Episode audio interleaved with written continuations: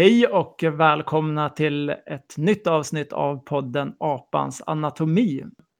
Idag så ska vi fortsätta lite på några olika spår som vi har varit inne på tidigare. Det gäller framförallt eh, diskussioner om eh, hur olika sociala rörelser har organiserat sig, i vilka skeden sådana sociala rörelser har blivit partibildningar och vad det har funnits för diskussioner kring det. Vi tittar ju ganska mycket i den här podden på olika sådana exempel i precis i nutiden. Vi har gjort avsnitt om momentum i Storbritannien, om Podemos i Spanien bland annat och ja, men tittat på den här dynamiken mellan rörelser och partier, olika strategier, frågor om populism och så vidare. Idag så ska vi dela med det här ämnet lite från ett annat håll och det är att vi har tänkt att vi ska gå in på det här i en historisk synvinkel. Och det är framför allt så att vi har tänkt att titta på och prata om alternativrörelserna under 1970-talet och de gröna partiernas framväxt ur de här alternativrörelserna.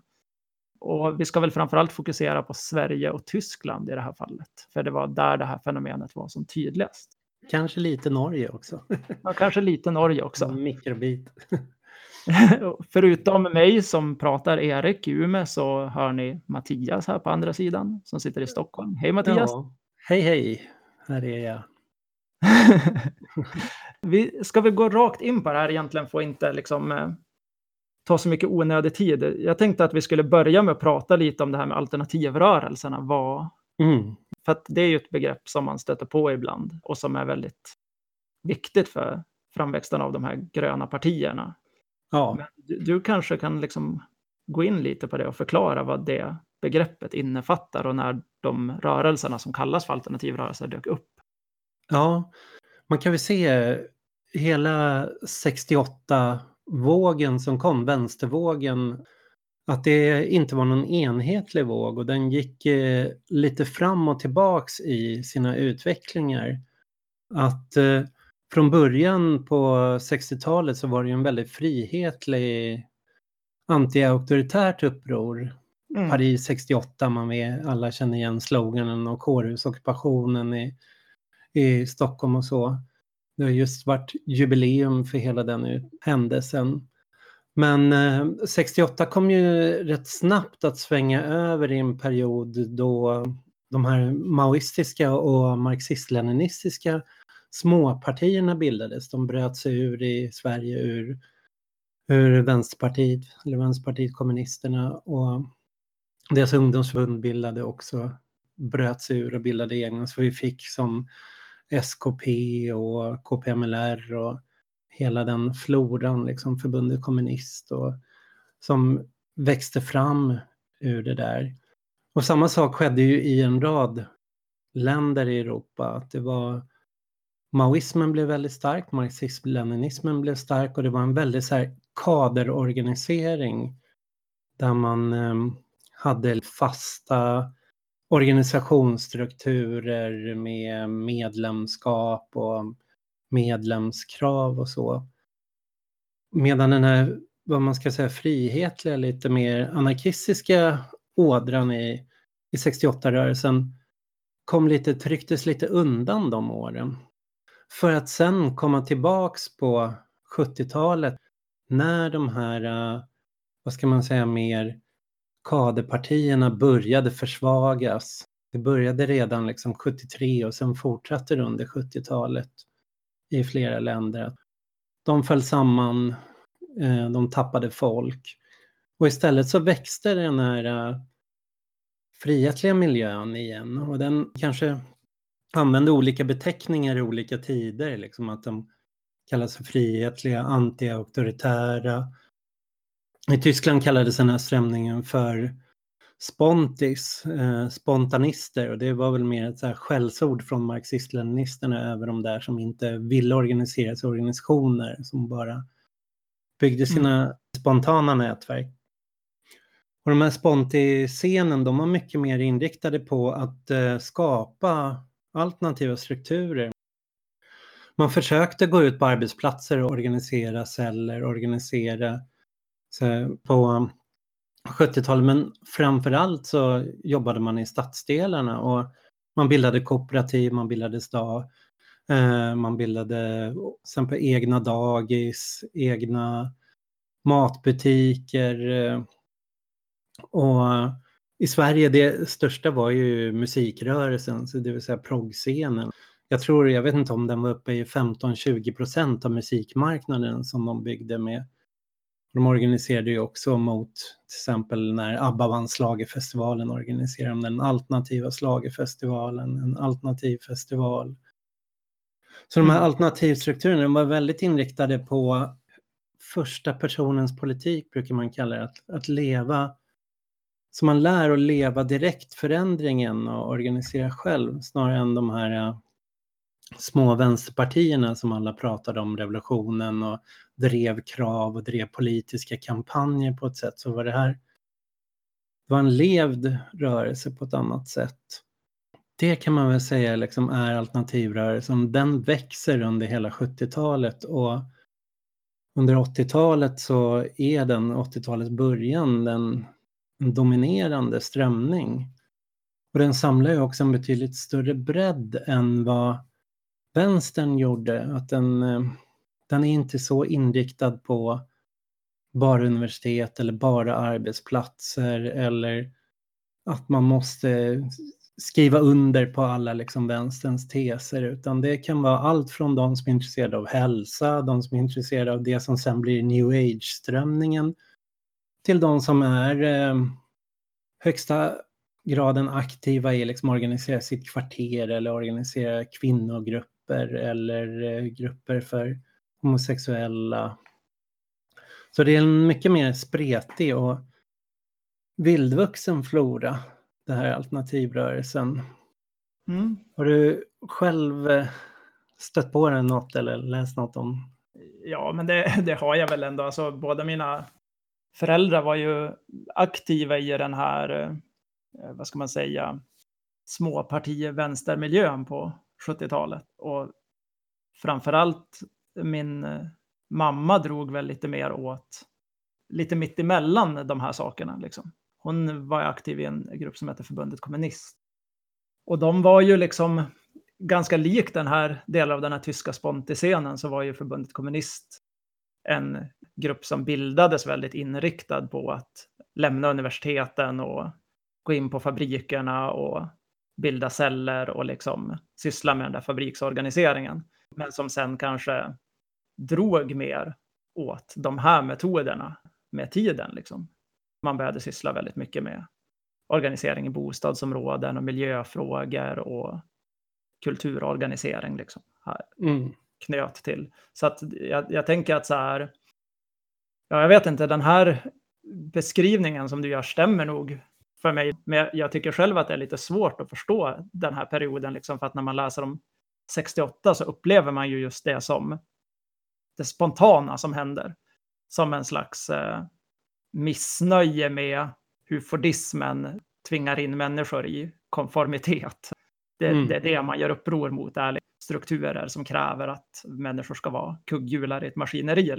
Och sen ur det så kommer alla de här små vänsterorganisationerna som liksom är så otroligt fokuserade på ja, men just sånt där som, som inte har med sig någonting av det här från början. Och sen så eroderas de bort liksom och den här strömningen kommer fram igen liksom framåt slutet mm. av 70-talet. Och det är också en strömning som inte förekommer så mycket i vänsterns historieskrivning. Att man, man beskriver 68, man beskriver de här småpartierna som, som kom, men alternativrörelsen är inte lika intressant. Det, eller lyfts inte på samma sätt för att den var så vildvuxen och spretig och den sågs liksom som kanske ett förfall, att man ja, hånfullt kallades det ju för grönsaksvänstern, liksom de som mm. odlade och levde och var intresserade av kooperativ. Och, men faktiskt så var ju två väldigt viktiga organisationer för det här var ju miljöorganisationen Miljöförbundet mm. som vi pratade om Alternativ stad förut som var en som grupp som tidigt tog upp den här beteckningen alternativ liksom för stadsrörelser och stadsfrågan var ju inte alltså miljöfrågan och stadsfrågan var ju inte separerade från varandra på det sättet då. Framförallt i Sverige så, så i slutet av 70-talet så kommer det ju liksom, eller det kommer väl lite tidigare på 70-talet i storstäderna kanske till och med, men det kommer ju de här stadssaneringsvågorna liksom och mm. de här att man ja, rev gamla stadsdelar och ersatte dem med gallerier och kontorshus. Var ofta körde in motorvägar genom parkområden och sådana grejer. Och där ja. finns det ju liksom någon slags koppling mellan boendeorganisering och eh, miljöfrågor som blir stadsmiljöfrågor kan man väl kalla det. Som blir väldigt centrala för det som vi pratar om som ja. alternativrörelser här från början. Och Alternativ stad som jag tog upp då, de gick ju in i det här miljöförbundet, den organisationen och det här växte ju fram lite under var ju den här uh, världsmiljökonferensen i Stockholm 1972 som uh, satte lite miljöfrågorna på tapeten i Sverige och gav mycket skjuts åt de, de här strömningarna. Och Miljöförbundet, mm. de var ju också drivande då i att bilda kooperativ i Sverige. Att eh, vi pratade i det här avsnittet om Ådalen, om Skogsnäs och så, den gröna vågen. Och när gröna vågen kom ju lite ur det här. Det, eh, Miljöförbundet var med och gjorde, startade hälften av alla kooperativ som bildades de här åren, liksom, eller gav hjälp till att starta upp. Det kunde ju liksom vara allt från Kung Markatta eller liksom Moder Jord-kollektivet eller kollektivet Linsberg utanför Falun som ställen som fortfarande finns idag, liksom, som grundades under de här åren. En annan viktig organisation var faktiskt eh, SAC, Syndikalisterna. Syndikalisterna hade haft en faktiskt medlemstillströmning under 60-talet men sen hade det mattats av lite under 70-talet. Men här kom de här alternativrörelsen, de gröna rörelserna och visade intresse för SAC och SAC visade också väldigt stort intresse för det här med alternativ produktion som de sysslade med då. Att det var liksom ja, kooperativ produktion, det låg i, mm. i linje med syndikalistiska och anarkistiska idéer. Så där, där uppkom det ett stort möte.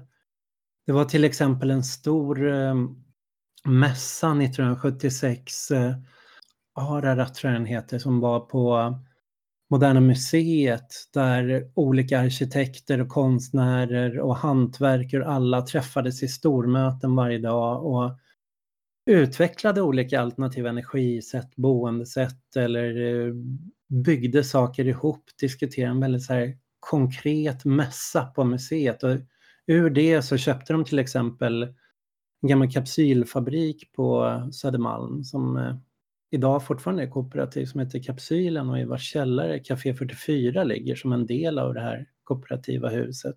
Mm. Så det är också en så här barn av den kooperativa alternativrörelsen just då. Du frågade lite vad jag har för, för relation till det här, om jag känner igen Myro och så liksom. Och jag, har jag tycker att det, det är intressant att följa de här spåren, för inte bara liksom av att vara liksom uppvuxen i en miljö där folk har sysslat med sånt. Men jag har ju liksom varit aktiv i punkscenen och drivit punklokaler och sånt. Mm. Och, och jag upplever väl mig själv som då ideologiskt ett barn kanske mer av, av de här strömningarna än av den klassiska arbetarrörelsen, eller vad man ska säga. Men någonstans där just i syndikalismen så har det ju funnits den där beröringspunkten mellan de traditionerna. Att så här, syndikalismen har arbetarrörelsetraditionen, men den har också lagt så enorm emfas på självorganisering och direktdemokrati och därför utvecklat vissa impulser som utvecklas också i de här erfarenheterna när fordismen har hamnat i kris då på 70-talet. Det är väl i någon mån där jag har känt mig hemma i syndikalistiska traditioner, liksom, i att det Mm. Det, det, det, jag menade är att det är, lite, det är lite konstigt att det inte är det som sker. För mig är det konstigt i historien. Att det inte är mm. det som sker direkt efter 68. Att det liksom blir ett uppsving direkt för eh, ja. eh, de anarkistiska och syndikalistiska traditionella organisationerna. Ja, det är som hela den frihetliga traditionen sätts på paus där i nästan fem år eller mer mm. och sen exploderar fram och kommer och mm. är rätt dominerande under en långt tag därefter medan den mer ortodoxa vänstern tappar mark och liksom trycks undan under de åren.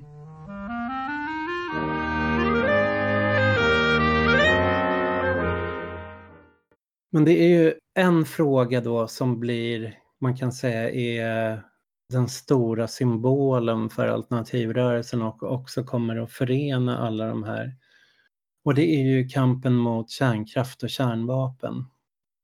Och den frågan är ju inte någon enhetlig miljöfråga sedd då, utan det här hänger ihop med en rad att man förbinder fredsrörelsen, att det är, det är så tydligt kopplat att kärnavfallet kan eh, användas till att göra kärnvapen, atombomber.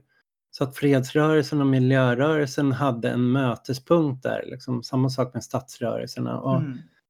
Det som ger det här liksom en skjuts är någonstans lite 1973 så är ju oljekrisen som drabbar väst rätt hårt men också är en möjlighet för väst eh, att eh, omorganisera sin produktion, den här stora fordistiska produktionen och bli av med dem, den militanta och stridbara arbetarklass man har i fabrikerna. Mm. Så genom att gå över till en mer energibaserad produktion men som också är decentraliserad så försöker man eh, bryta upp arbetarklassen och istället blir energin blir ett viktigt vapen. Det blir en central konfliktfråga i det här. Mm. Och det gör att man Alltså kärnkraftverk hade ju byggts sedan 50-60-talet men här sker en ny våg då med satsningar på det. Mm. Att man bestämmer sig i Tyskland att så här, blåsa liv i en himla fart i byggandet av nya kärnkraftverk. Mm. I Sverige får en liten annan utveckling för där har man redan fått igenom en slags moratorium, ett tillfälligt stopp. Eh, så kärnkraftverken är redan byggda eller under konstruktion där 73 så att det, striden handlar inte så mycket om stoppa nya byggen utan snarare liksom eh, verka för avveckling av de som har byggts och protestera mot var kärnavfallet ska hamna någonstans. Mm, just det. Jo, det är ju där, där kring liksom förvaringen av kärnavfall också i vissa länder, brytning av uranet, så, mm. så, finns det ju då ännu mer kopplingar som gör att den här frågan, för du säger att det finns avrustningsdimensionen och det finns, det finns mm. så många dimensioner av grupper som kan vara berörda av det här, både på ett abstrakt och väldigt konkret plan. Liksom. Så det gör väl den där frågan väldigt stark. Nej, men det som händer med då satsningen på kärnkraftverk, det är ju att det växer fram en eh, rörelse, en internationell rörelse som protesterar mot kärnkraftsbyggen och den är, sker i hela Europa, den sker i USA, som blir rätt mycket, kommer att sammanfalla i stort sett med alternativrörelsen. Och i, i Sverige så är det faktiskt mycket eh, inom SAC som man är med och drar igång det där. Man är väldigt tidigt ute med att början av 70-talet organisera demonstrationer. Man samlar till demonstrationer. Man, SAC tror jag faktiskt är den första organisation som går ut och kräver att det ska bli en folkomröstning om kärnkraftens framtid.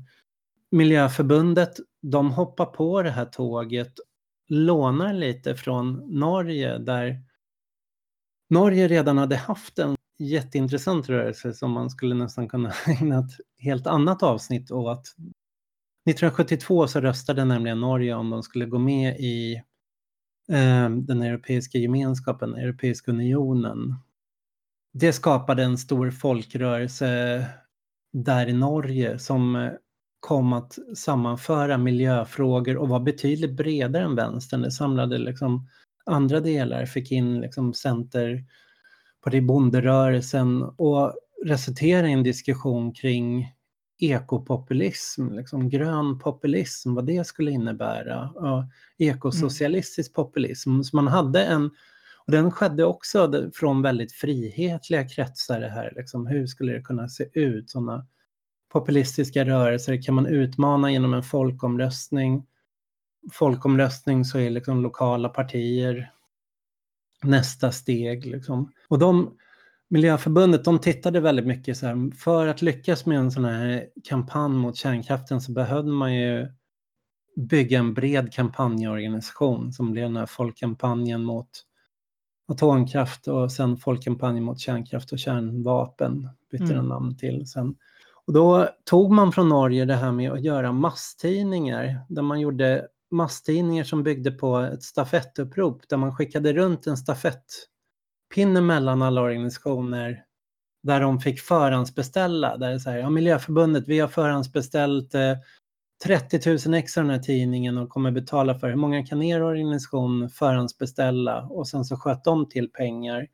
Så att man skapade ett finansieringssätt och liksom en, eh, en masskommunikationsform som, som inte riktigt hade använts inom svenska vänstern förut som gjorde att de här kampanjerna blev väldigt omfattande och slagkraftiga. Och en av de viktiga tidningarna också för det här var Arbetaren som där ja, bland annat Tage Danielsson skrev sina krönikor. Men Arbetaren drev väldigt mycket, täckte den här frågan väldigt intensivt på 70-talet och det gjorde också att de fick ett väldigt stort uppsving inom den här rörelsen. En steg till en upplaga på 7000 ex inom kärnkraftsrörelsen och fick också då många att gå in och bli ja, fick en hel del folk att gå in och bli medlemmar. För SACs del resulterade det här att det bildades en rad kommittéer i organisationen. Man hade en internationell kommitté sedan tidigare, men det bildades en miljökommitté, det bildades en eh, kvinnokommitté, en eh, antimilitaristisk kommitté som kommer att vara aktiva under liksom 70 och en stor del av 80-talet, de här kommittéerna som, som breddade verksamheten från bara ren facklig verksamhet till att faktiskt verka inom, inom den här alternativrörelsen.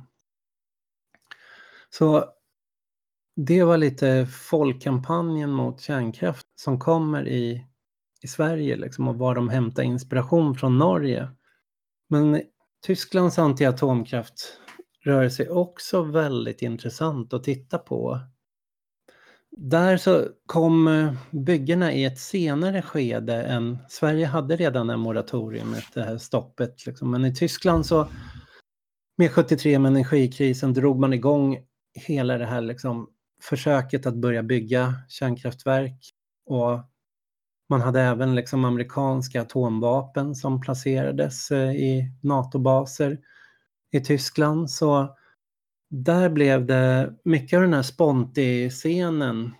De kom att eh, börja organisera så lokala proteströrelser och det bildades så medborgarinitiativ i de flesta städer som, som inte var kopplade till marxist-leninistiska partierna och det blev en våg av stora demonstrationer. Men Tyskland, det, det som skiljer tyska rörelsen från svenska är ju liksom att där fanns ju även statsgerillorna. Där fanns ju Eh, Röda armé-fraktionen, andra junirörelsen och sen revolutionära cellerna. Så att alternativrörelsen där, spontiscenen och det satt rätt mycket i en klämd position mellan då statsgerillans krig mot staten, statens repression tillbaks Å andra sidan de här eh, ML-partierna då som ville bygga upp frontorganisationer eller kontrollera sådana fronter som eh, antikärnkraftsrörelsen. Så att liksom hålla den här rörelsen autonom och självständig var liksom en eh, väldigt svårt. 1977 brukar man prata om den tyska hösten där RAF gjorde en rad sådana rätt eh, tunga avrättningar mot domare och politiker. Och det också var en väldigt stor repressiv kampanj från staten och det här var ju under åren som Tyskland var socialdemokratiskt. Så man hade ju å ena sidan ett slags socialliberalt program som man byggde i Tyskland. Å andra sidan en väldigt repressiv linje. Inte bara liksom då mot statsgerillorna utan mot spontiscenen, antikärnkraftsrörelsen. Man gick in och slog ner väldigt hårt på de här massdemonstrationerna. Angrep dem eh, med kravallpoliser. Och den tyska antikärnkraftsrörelsen hade då börjat liksom bygga upp, eh, eh, de hade börjat ockupera byggplatser och bygga, skapa läger där. Så att det blev rätt militanta grupper som försvarade de här eh, lägren. Så man kan säga så att den här antikärnkraftsrörelsen föddes i det ögonblicket då 68-vänstern höll på att dö ut, både av sig själv och av repression och statsgerillorna liksom grävdes längre och längre ner ursprungsgenerationen dog på Stamheim. Och samtidigt kom den här och hade liksom väldigt problem att födas mitt i det där.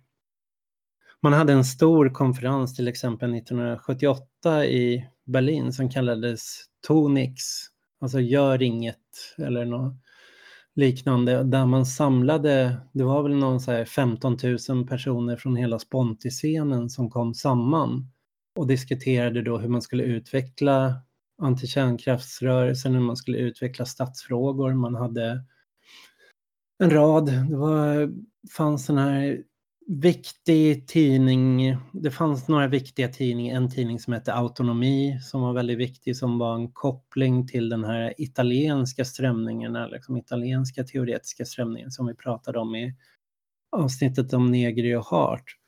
Och det fanns en tidning som hette Flasterstrand eh, som gavs ut från Frankfurt där Daniel Cohn-Bendit som var liksom den drivande, vad man kan säga i Paris 68, liksom, han slängde sig ut i Frankrike efter det, hamnade i Frankfurt och byggde en eh, Sponti-scen där tillsammans med en annan Joschka Fischer eh, som också skrev i de här tidningarna.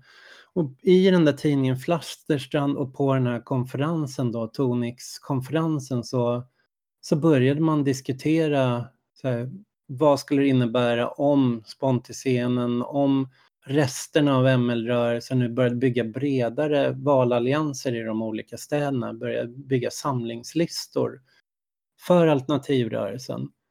Och samtidigt hade man pratat om kvinnofrågor, man pratade antiimperialism, man pratade fångkamp, franska poststrukturalisten Felix Gattari var där och pratade så det var liksom en väldigt så här, stor smältdegel där. Men där föddes ett nytt projekt kan man säga och det var det här med lokala gröna partier. Ja, det hände ju egentligen lite en, en parallell under den där tiden i, i, i framförallt Stockholm i Sverige. Där mm. ju också 1979 bildades ju det här Stockholmspartiet. Då hade man ju haft alla de här stadsomvandlingsprotesterna i, i Stockholm. Ja. Och, och, och, det där är ju, Stockholmspartiet är ju liksom kanske, jag har inte hunnit läsa jättemycket om dem, men jag upplever dem som lite mer moderata och borgerliga. Alltså, ja. Inte, eller? Nej, alltså det kom ett första parti som hette Sollentunapartiet 1973 mm. eh, som kom, det var som ett första testexempel och sen kom eh, Stockholmspartiet, tittade väldigt mycket på den erfarenheten. Men de som grundade Stockholmspartiet, de kom ur Alternativ stad och de kom ur en eh, tidskrift som hette Frihetlig socialistisk tidskrift som var en mm. tidning. De var inte syndikalister men de var rätt nära syndikalisterna. Och det intressanta med den det är att det, de innan den hette Frihetlig socialistisk tidskrift hette den Liberal debatt. Så det var, mm. det var alltså Liberala ungdomsförbundets tidning där... Fast de hette FPU på den här tiden. Ja. Och de som, de som var ordförande där var ju Per Gahrton och den här tidningen Liberal debatt de bröt sig ur i protest mot Per Gahrton och bildade den här det som blev att de gick från liberaler till att bli anarkister för att mm. sen gå in och dra igång det här, liksom vara med och driva Stockholmspartiet. Så att, eh, mm. vi, vi ska komma tillbaks till Per Gahrton snart. men, men, eh, det jag ville säga egentligen där i parallellen, det är att alltså den här Sponti-scenen i Frankfurt, de mm. ägnar ju väldigt mycket tid åt då en, en statsförändringsprocess. Det är ju väldigt mycket, alltså vid sidan om att man har alltså de feministiska frågorna och den stora liksom, kärnkraftsrörelsen och så, så finns det ju också stadsomvandlingsprocess i Frankfurt mm. där man ockuperar hus och liksom scenen jobbar ju väldigt mycket kring den stadsorganiseringen. Liksom. Ja. Och där finns det väldigt mycket likheter med Stockholm och att Stockholmspartiet bildas då 79 vid den där tidpunkten då man har haft då först almstriden, vad är det, 73? Eh, Nej, Stockholm. 71. 71. Och sen haft massa andra olika strider och så har man haft Mullvaden, ockupationen eh, mm. 1977. Så Stockholm har ju liksom gått igenom det här också på 70-talet. Liksom. Mm. Och alla de diskussionerna som det innebär. Liksom. Så det finns ju väldigt tydliga likheter där mellan vad som händer i de här tyska, framförallt i de tyska storstäderna då, och vad som händer Mm. i Stockholm. Sen finns ju de, här tendenserna på massa andra håll i Sverige också, men de tar sig inte det uttrycket eh, som, som det, det görs med Stockholmpartiet. Då. Mm. Ja, det bildas ju flera lokala partier i andra delar av Sverige. Bland annat Mm. ett parti som heter Miljöpartiet då, som eh, inte är samma parti som dagens Miljöparti, så att säga, men de har det, samma namn.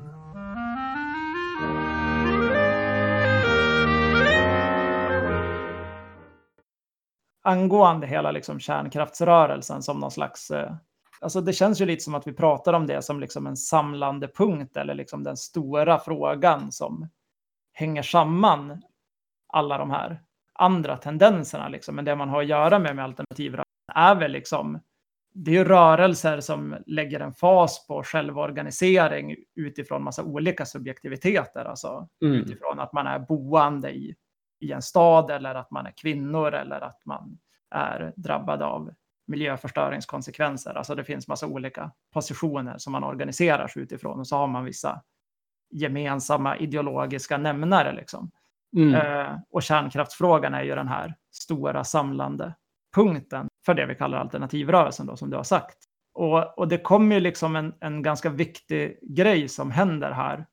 För att 1979 så, så är det ett haveri på ett kärnkraftverk i USA på östkusten. I, det ligger på ett ställe som heter Three Mile Island, Harrisburg. Om man redan har den här kritiken då så, så är ju det här liksom ett första riktigt det är ett starkt bevis på farhågorna kring kärnkraften. Mm. Som ger väldigt mycket, blåser väldigt mycket luft under den här opinionen. I, i Sverige så, så skördar ju Centerpartiet ganska mycket. Det kan man väl nämna som en parentes i det här. Liksom, att alltså, Socialdemokraterna hamnar ju liksom i konflikt med väldigt mycket av de här rörelserna och lyckas inte fånga upp de här engagemangen som man har gjort tidigare mm. med folkrörelseuttryck i Sverige. Utan det är ju snarare Centerpartiet som gör det där i. Nej, men alltså redan innan Harrisburg så hade ju Centerpartiet skördat lite av den här opinionen som började dyka upp kring kärnkraftsfrågan. Centerpartiet vann valet 76. Det var ganska oväntat och hade ju då en antikärnkraftsposition medan sossarna hade låst sig för kärnkraften. Och sen kom ju den här Harrisburg-olyckan och eh, sossarna bytte väl fot som jag förstår det till slut. Mm i, i den där frågan i samband med det. Det gav luft under vingarna under den här opinionen. Liksom. Fick vi den här folkomröstningen i frågan 1980 i Sverige. Mm, och det intressanta med den där folkomröstningen då är ju att det är folkkampanjen mot kärnkraft där Miljöförbundet eh, är med och driver, där SAC är med och driver, de har folk i ledningsgruppen. Så de är ju de som först väcker kravet, driver den här frågan men sen mm. där hoppar Centerpartiet och VPK in, drar upp hela kampanjen för hur kampanjen ska göras. Så att det, dels förlorar man ju omröstningen, att sossarna gör en kompromisslinje där, linje två, som blir mm. större än nej-sidan då. Och linje två är då den här långsiktiga avvecklingsplanen. Mm. Kärnkraften skulle den skulle inte stängas ner direkt utan den skulle avvecklas på en viss tidsperiod, lite längre tidsperiod. Ja, den tid som de här kärnkraftsanläggningarnas beräknade livslängd var. Ja, exakt. Så, nu driver vi dem fortfarande, fast efter deras livslängd, men de lever på lånad tid. Så att det blir en dubbel besvikelse där för alla de från alternativrörelsen som var inblandade i det här. Dels att hur kampanjen kom att tas över av partierna och liksom utformas av partierna på ett sätt som de inte var nöjda med och att man då, då gick det in i liksom det här politiska intrigspelet. Och så förlorade man dessutom då den omröstningen på grund av mm. det här trixandet liksom med att Mm. Ja-sidan blev två olika alternativ. Samtidigt så har vi ju liksom en internationell situation här där liksom den här nyliberala högen börjar formeras i slutet av 70-talet. Liksom Margaret Thatcher har blivit premiärminister i Storbritannien, Ronald Reagan på väg att ta över USA eller har tagit över. Så att det kommer ju liksom massa andra tendenser, det börjar dyka upp yuppies och så liksom. Och i det här läget så, så börjar det ju ske då diskussioner efter Harrisburg om partibildningar kan man säga, i mm. nödvändigheten till partibildningar inom alternativrörelsen. En ganska lik diskussion som då den vi har, mm. vi har sett ur Occupy idag eller ur Indignados i Spanien. Där man har haft stora utomparlamentariska kampanjer och dynamiska rörelser och sånt, men man har haft tydliga parlamentariska förluster. I Sverige att Centerpartiet kan skörda på det här att man förlorar folkomröstningsfrågan på grund av de traditionella partiernas intervention. I Tyskland är det lite andra omständigheter. Men i Tyskland så är, det ju delar då av den här alternativrörelsen som tar initiativ till att bilda ett nytt parti 1980. Mm. Som man beskriver som ett antipartiparti. Liksom. Och det, det partiet kallar de för det gröna, det gryne. Och det är ju då en sammanslagning av de här listorna som de redan har börjat med. Så att de har alternativa listor, alternativa listan alltså i Berlin, de har Grüne liste som är i, i Frankfurt som är, mm. och sen så har de en samlingslista, en Bundesliste i Hamburg som är mer gamla marxist-leninister som försöker göra en frontorganisation genom att samla bredare.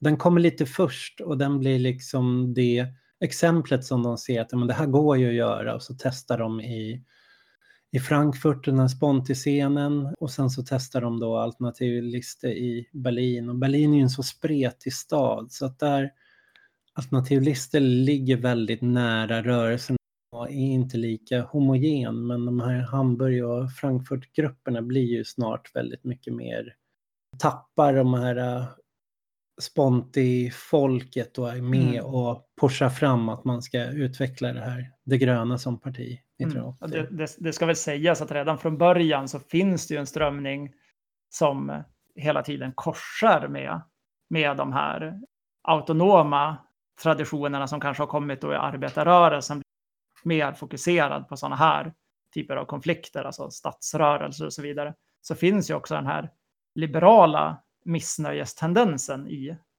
Tyskland och i Sverige, som du beskrev då där i, i det svenska exemplet med, med liberal debatt och hur Folkpartiets ungdomsförbund eh, beter sig under den här tiden. Man har en liberal miljö som liksom blir periodvis lite anarkistisk. Och, alltså, mm. Det finns liksom en sån rörelse som, som är ganska viktig att förstå för hur de här gröna partierna växer fram och vilken typ av personer som går in i dem att det är en, en tradition som, som kommer ur vänstern, men det är också eh, grupper som kommer ur, ur den liberala fåran. Och i Tyskland bildas ju då de gröna 1980 och redan året därefter så bildas ju då Svenska Miljöpartiet också, 81. Och det är ju i det svenska fallet, om det är det tyska fallet liksom är ganska tydligt att liksom huvud, eller att det finns en stark koppling och beröringspunkt till den här spontiscenen. scenen så utgår ju ofta förklaringen i det svenska fallet när man diskuterar Miljöpartiet från lite mer den liberala hållet. Det kan man ju bestrida på väldigt många olika sätt när man tittar igenom det här som hände med alternativrörelsen och så. Men en väldigt mm. viktig punkt för Miljöpartiets bildande är ju då Per Gahrton som vi nämnde tidigare. Då har ju, som du säger, den här liberal debatttidningen har ju liksom brytit med Folkpartiets ungdomsförbund mm. i protest mot honom. Men sen skriver han, han blir ju också själv väldigt kritisk till eh, låsningarna i politiken och partierna, de traditionella partierna under 70-talet. Han debatterar det här väldigt mycket i riksdagen och sen så skriver han en bok. Eh, per Gahrton skriver en bok då där som släpps 1980 som heter Det behövs ett framtidsparti. Och den boken blir ju liksom för många en utgångspunkt för den här diskussionen om att bilda Miljöpartiet i Sverige. Men det finns då många människor från de här alternativrörelsen som också går in i det projektet. Så det är ju å ena sidan lite Per Gahrton-partiet, eller vad man ska säga. Men mm. de lägger ju själv väldigt mycket vikt vid att inte bli det. Liksom. Inspireras mycket av det som händer i Tyskland och de här idéerna om att bilda ett nytt slags parti som inte är hierarkiskt, som inte har partiledare utan snarare formas väldigt mycket av de här idealen om direktdemokrati och decentralism mm. och radikalt miljötänk och sånt som växer fram där i alternativ.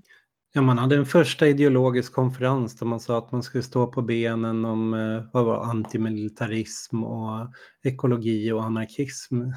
Mm. faktiskt. Och sen tidningen som man startade också, som var, den hette Alternativet, så att den tog ju direkt namnet från alternativrörelsen. Mm. Ja, det är intressant för att om man tittar på då på Podemos som vi har gjort idag eh, så finns det ju ganska mycket beröringspunkter här i, mm. i hur olika sociala rörelser står till bas för, men hur det också finns liksom en grupp ideologer som vill ta in det här i partipolitiken och knyta en ny progressiv offensiv kring mm. rörelsefrågor.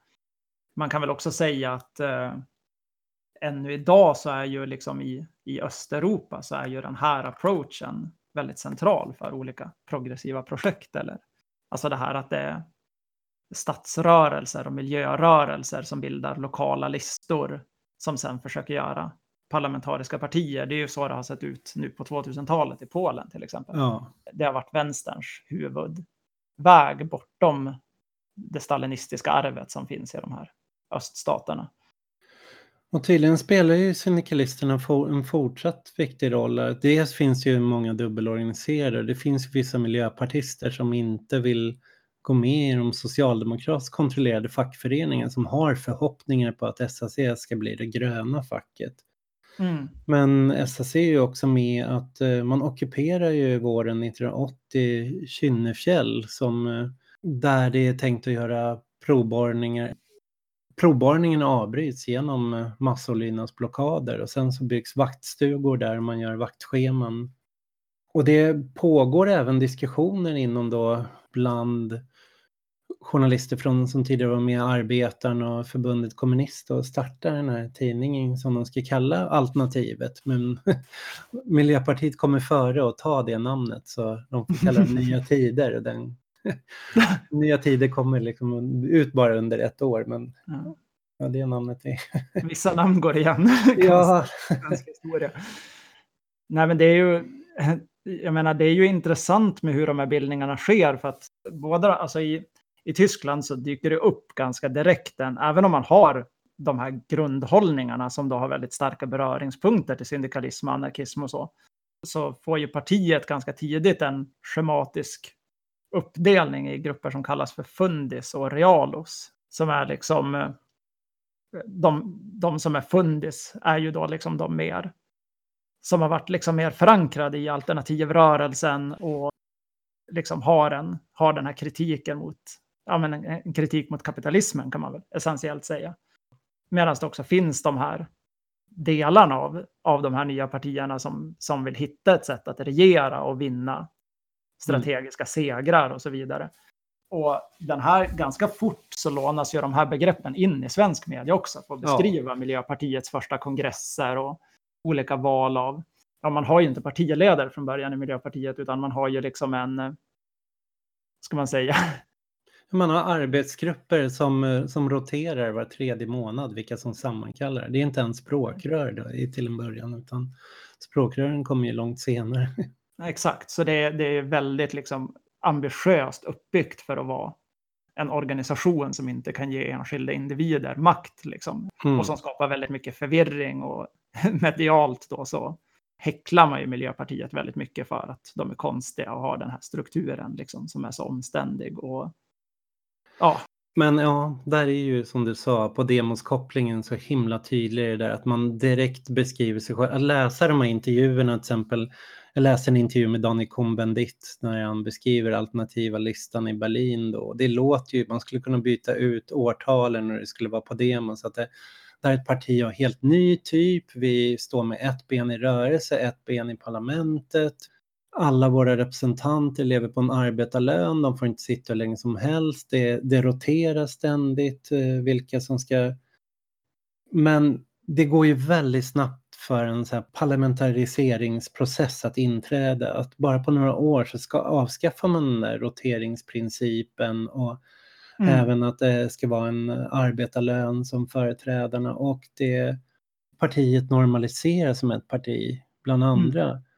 Det tyska partiet bildas ju 1980 och 1983 såväl som in i Bundestag och sen Tyskland har ju en rad del parlament runt om i landet. Så att eh, det delparlament som Frankfurt ingår i, där blir ju Joschka Fischer då från Sponti-scenen, från Flasterstrand mm. och de här gamla autonoma marxistiska. Han har ju varit en riktig liksom, husockupant och militant. Liksom, i... Ja, misshandlat poliser, kastat molotovs och liksom varit en riktig aktivist då. Han kom ju in och blev miljöminister i regionen Hesse mm. där, där Frankfurt ligger.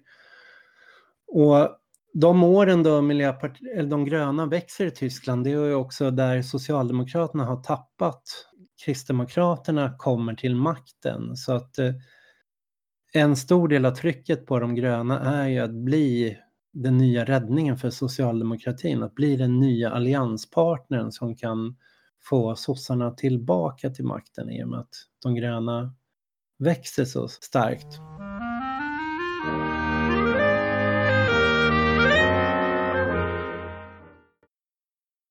alltså Joschka Fischer, hans resa som person och liksom hans mm. roll i det här i Tyskland är ju ganska intressant att följa när man tittar på det här i relation till samtida sådana här försök. Vi snackade lite i det här civil olydnadsavsnittet vi gjorde nu. När vi tittade på Thoreau så mm. lägger han väldigt mycket en fas vid att ha liksom en personlig moral som ska, ska vara liksom en säkerhet mot att institutioner, eller i det fallet regeringen, mm. springer iväg och gör någonting omoraliskt. Eh, och i det avsnittet så hade vi en diskussion ganska mycket om att lägga en fas på strategi snarare än, än på moral och sätta upp liksom konkreta mål och så. Så upplever jag ganska mycket att Joschka Fischer är som person och att det är hans hållning i rörelser. Han är väldigt mm. eh, fokuserad på det här med, han är en strategisk person som, som vill få igenom vissa typer av förändringar. Och det gör ju att han eh, gör en ganska, jag höll på att säga flummig, men en, en resa liksom från, från att vara den här gatumilitanten till att bli en väldigt etablerad politiker. Den är lite förbluffande att följa. Mm. Uh, han blir ju till slut uh, på 1998 så vinner ju då SPD, alltså Socialdemokraterna i Västtyskland, eller i Tyskland och det har ju blivit förenat vid den tiden. Mm. De vinner ju valet då med hjälp av de Grüne. Och mm. eh, Joschka Fischer blir utrikesminister i den här regeringen. Mm. Han har ju egentligen aldrig tagit avstånd vid det här laget heller från det han sysslade med i Sponti-scenen i Frankfurt som husockupant och så, utan han har liksom bara glidit kan man säga hela vägen upp till den här rollen som utrikesminister. Och i den rollen så året efter då, 1999, så är ju han den som liksom driver igenom att Tyskland ska gå med i den här NATO-insatsen i interventionen i kriget i Jugoslavien, Kosovo, mm. vilket är den första militära inblandningen som Tyskland ägnar sig åt sedan andra världskriget. Och det intressanta med Joschka Fischer där är ju att, att det är ju möjligt just för att han har den här bakgrunden. Han är den här fredsaktivisten som har avväpnat eh, kärnvapenspetsar. Och... Ja, och han är ju utrikesminister under de här åren och det är han mm. ju även under andra Irakkriget då, eller Irakkriget runt 2003. Det är ju också han och de gröna som sitter där vid makten. Mm.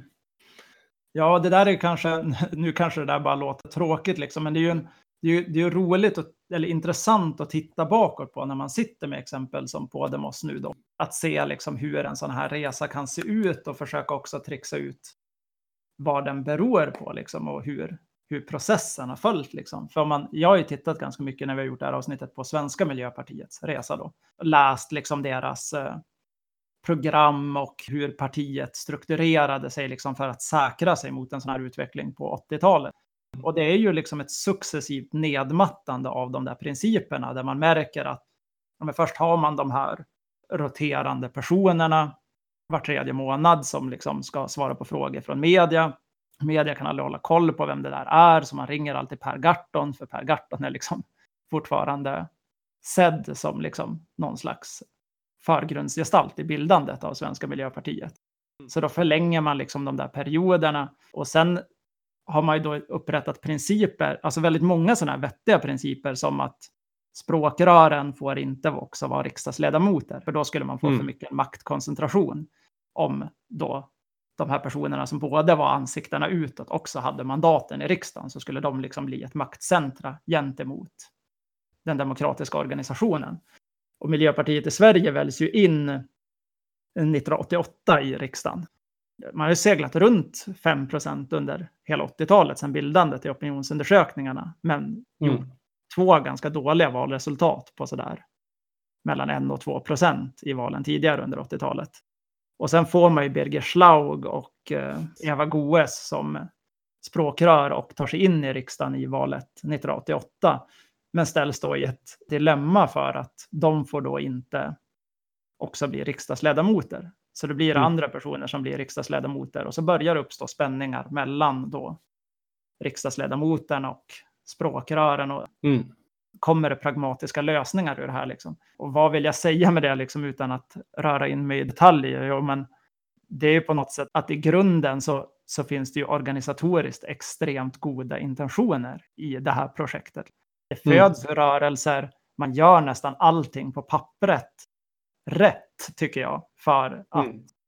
säkra sig mot en sån där utveckling. Men de institutionella omständigheterna framstår ju vara liksom upplagda på ett sånt sätt att man ändå mals in i det spåret mm. successivt. Och det är ju av intresse om man ska diskutera hur framkomlig den här vägen är som mer än ett kortsiktigt projekt även idag.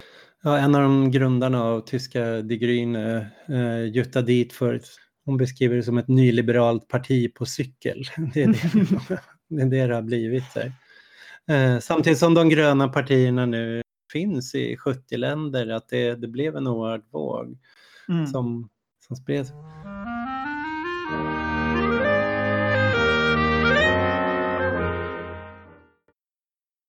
Men jag tänker det finns ju en annan berättelse också kring bildandet av den gröna ur alternativrörelsen och som är, speglar kanske också lite Joschka Fischers person som är, som är kanske intressant för, för våra lyssnare på den här mm. podden. Och det är ju att uh, den här spontiscenen, vad händer med den delen av spontiscenen som inte går in och blir de gröna?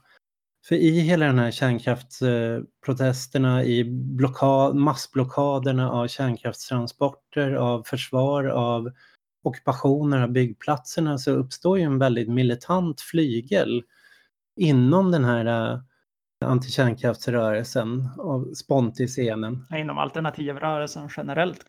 Man kommer att kalla de här två tendenserna då för müslis och mollis. Att Mollys är då molotovkastarna, det är de här med svarta luvor och, och hjälmar som tar konflikten med polisen. Och Müslis är de här liksom mer alternativfolket med, med skägg som sitter och diskuterar startandet av alternativa listor och partier. 1980 går ju en våg av husockupationer genom Europa. Det kommer i Köpenhamn, i Amsterdam, i Zürich. Och det där når även Berlin, Hamburg och sprider sig genom hela Tyskland.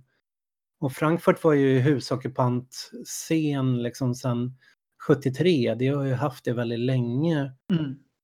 Och den här scenen då, liksom husock, den ena sidan står i husockupationerna, punken, en ny ungdomsrörelse, och andra sidan så deltar de i de här massblockaderna, militanta aktionerna, spontiscenen det är den som 1980 med inspiration från Italien börjar kalla sig de autonoma.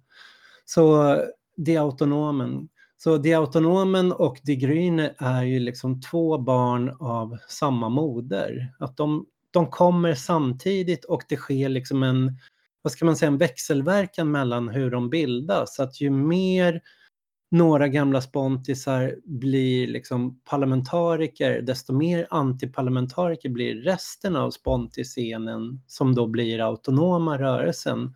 Mm. Som för att markera liksom med autonomi att man är självständig från stat, institutioner, partier, den icke-institutionella alternativrörelsen så att säga mm. är, är de autonoma.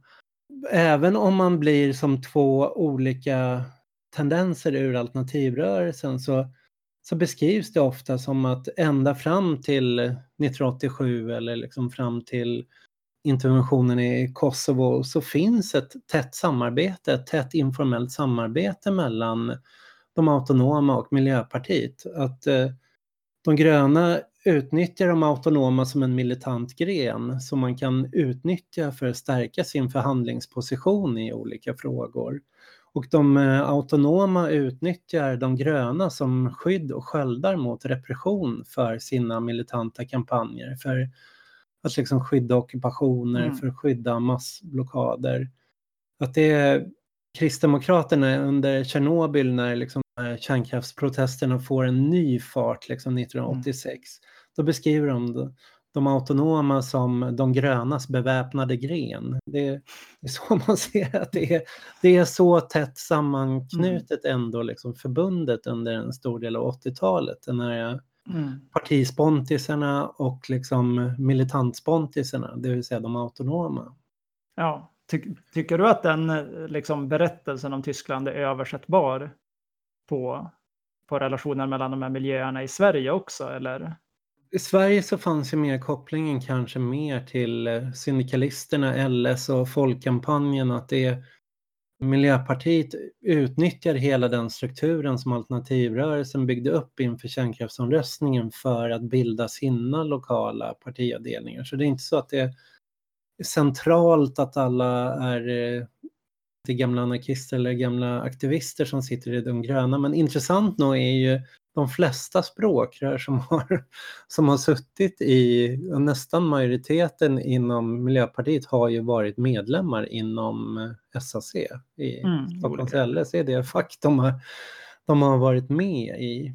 Mm. Ja, det har även funnits personer som har suttit i SAC centralkommitté och i, mm. i Miljöpartiets eh, riksgrupp eller vad man ska säga, parallellt. Ja, sen kan man ju se att det när det uppstår en militant scen i, alltså autonoma i Sverige så är den mycket mer i konfrontation med alternativrörelsen, i konflikt med alternativrörelsen och då även med SAC. Mm.